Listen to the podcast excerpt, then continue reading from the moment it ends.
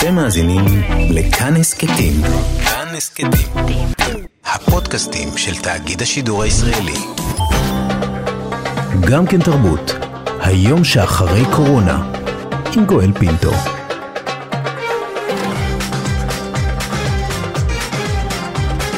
הכל השתנה. לחיצת יד שהייתה ברורה מאליה הפכה לדגל שחור.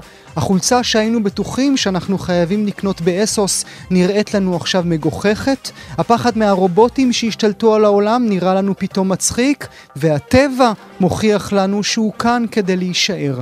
מה יהיה ביום שאחרי קורונה? זו השאלה שאנחנו שואלים כאן בהסכת גם כן תרבות, היום שאחרי קורונה. הפעם אנחנו עם הדוקטור עידו ארטוגזון, חוקר בתוכנית למדע, טכנולוגיה וחברה באוניברסיטת בר אילן, שעוסק רבות בימים אלה בשאלה הזו בדיוק. מה יהיה?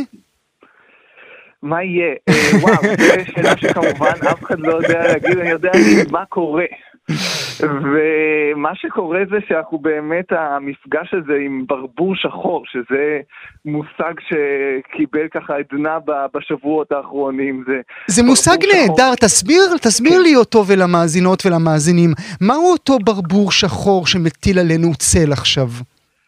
אז באמת ברבור שחור, כמו שפעם אנשים חשבו שיש רק ברבורים לבנים, עד שהופיע, פתאום מצאו ברבור שחור וגילו שכל תפיסת העולם בנושא הזה צריכה להשתנות, אז כשקורה משהו חסר תקדים, משהו שאף אחד לא צפה אותו, שמשנה את כל התרבות מהיסוד, את, את כל הכיוון, כמו ה-11 בספטמבר או ההתפרקות של ברית המועצות, והקורונה כמובן זה גם אה, ממש ברבור שחור אדיר כזה, ש... ופתאום... תגיד, יש מצב שאנחנו כן. מגזימים, הדוקטור ארטוגזון? יכול להיות שיקרה רגע בעוד, אה, אתה יודע, היסטוריה, שההיסטוריה תשפוט אותנו וקצת תצחק עלינו ותגיד מה היה לבני אותה, לבני אותם 2020? אה, תראה, אני חושב, אה, יש, זה, זה באמת פה מתחלק בין האנשים שאומרים שזה הדבר הכי גדול מאז מלחמת העולם השנייה, ו, ואפילו אז לא כל האנשים ישבו רק בבתים ו, ולא יצאו מה, מהחדר שלהם, אה, לבין אנשים שאומרים שזה יישכח.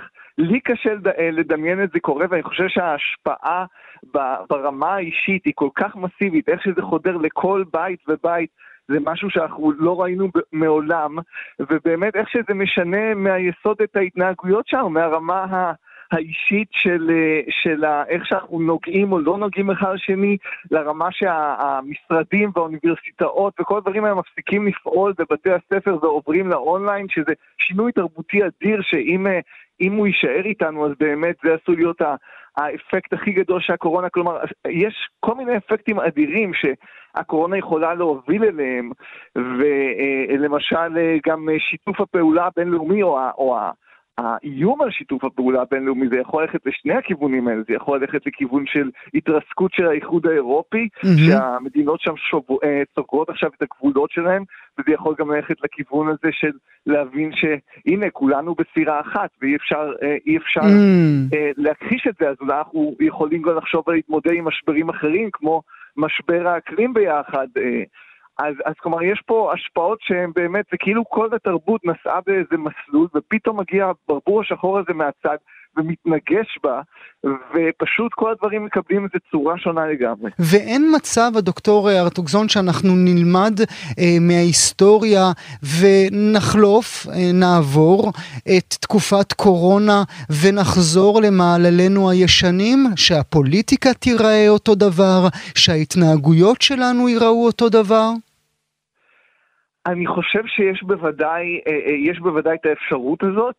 אני, אה, דברים יראו, עשויים להיראות דומה, זה כמובן משתנה מאוד מתחום לתחום, אבל יש פה איזו אפשרות כזאת של, כמו במדע בדיוני, לחשוב על מציאות אלטרנטיבית, כי מה שנוצר פה בימים האלה זה סוג של מציאות אלטרנטיבית, כולנו עברנו לחיות באיזה עולם מדע בדיוני כזה, כי באמת העיקרון הבסיסי של מדע בדיוני, של ספרות ספקולטיבית, זה שלוקחים עולם שאנחנו מכירים אותו, ואז משנים בו איזשהו אלמנט אחד קטן, מחשבים אה, פיתחו אינטליגנציה, או בני, מופיעים בני אדם מוטנטים עם יכולות אחרות, ורואים איך זה משפיע על הכל, אז אנחנו מסתכלים על מה קורה כש, כשמופיע בעולם הזה שפתאום יש בו וירוס, וה, והדבר הזה משנה את התרבות, והתרבות שלנו עוברת אה, לנושאים אחרים, ומתנהלת בתנאים אחרים, והרחובות שלנו מתרוקנים, ויש אה, השפעות על, הדמוקרטיה ועל הרעיונות שנחשבים אפשריים ולא אפשריים, ומעקב אחר אזרחים,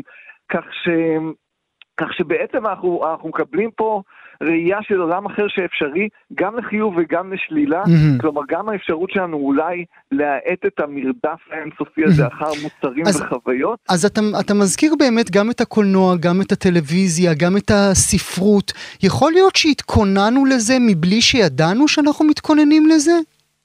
אז, אז, אז זה באמת מה שמדהים בכל החוויה של המגפה בתקופה הזו בעיניי, זה התחושה הסוריאליסטית הזאת, כאילו המציאות של הטלוויזיה ושל הקולנוע שאנחנו צופים בה במשך אה, עשורים חודרת ופולשת לתוך החיים שלנו. וזה אה, זה, זה ממש כאילו אנחנו עברנו הכנה לאסון הזה בעזרת עשרות ומאות של, של צפיות ב, ב, בסרטים ובסדרות. אנשים עמדו בהפגנות עם, אה, עם שלטים כמו אני לא אוהב את הפרק הזה בבלק מירור במראה שחורה. וכלומר, אז אז אנחנו, אה, יש את התחושה הזאת שזה כאילו אנחנו באמת בתוך איזה, איזה משהו שעד כה הכרנו רק מה, מהבידיון, ו, וגם כאן אני חושב שאנחנו יכולים לשאוב השראה מסוימת מה, מהבידיון הזה, כי, כי ב, ב, בכל הסרטי מדע האלה, כשהאנושות פוגשת איזשהו סוג של חייזר, והווירוס הזה הוא, הוא ממש כמו חייזר, כי זה צורת חיים כזאת שהיא לא באמת ביולוגית, היא משהו קצת אחר, והיא מטילה איום על כל האנושות ועל כל הציוויליזציה שלנו, אז תמיד יש את ההתאחדות הזאת, שפתאום אה, החלליות של, ה, של החייזרים מגיעות גם מעל מוסקבה וגם מעל בייג'ינג mm, וגם מעל mm. אה, ברלין וניו יורק. אז ואז, ואז כולם מתאחדים, ו, ואני חושב שבמובן הזה כדאי לנו לשאוב השראה ולדרוש אה, משהו סטייל אה, היום השלישי שיהיה מותאם לעידן שלנו, אבל איזשהו סוג של אה, שיתוף פעולה כלל, כלל כן. כדור הארץ, כמובן שיש גם, אה, אה, יש גם כיוונים אה, נוספים שנוגעים לכדור הארץ ולתרבות הצריכה, אבל לסיום, וזה באמת, אני מתחבר למה שאתה אומר עכשיו, והוא המעניין אותי במיוחד. האם התקופה אותה אנחנו חווים כאן וכל העולם כולו, יהפוך את הביחדנס למציאות, או שזה ייגמר ברגע שקורונה תיעלם? אני חושב שבאמת אחד ה...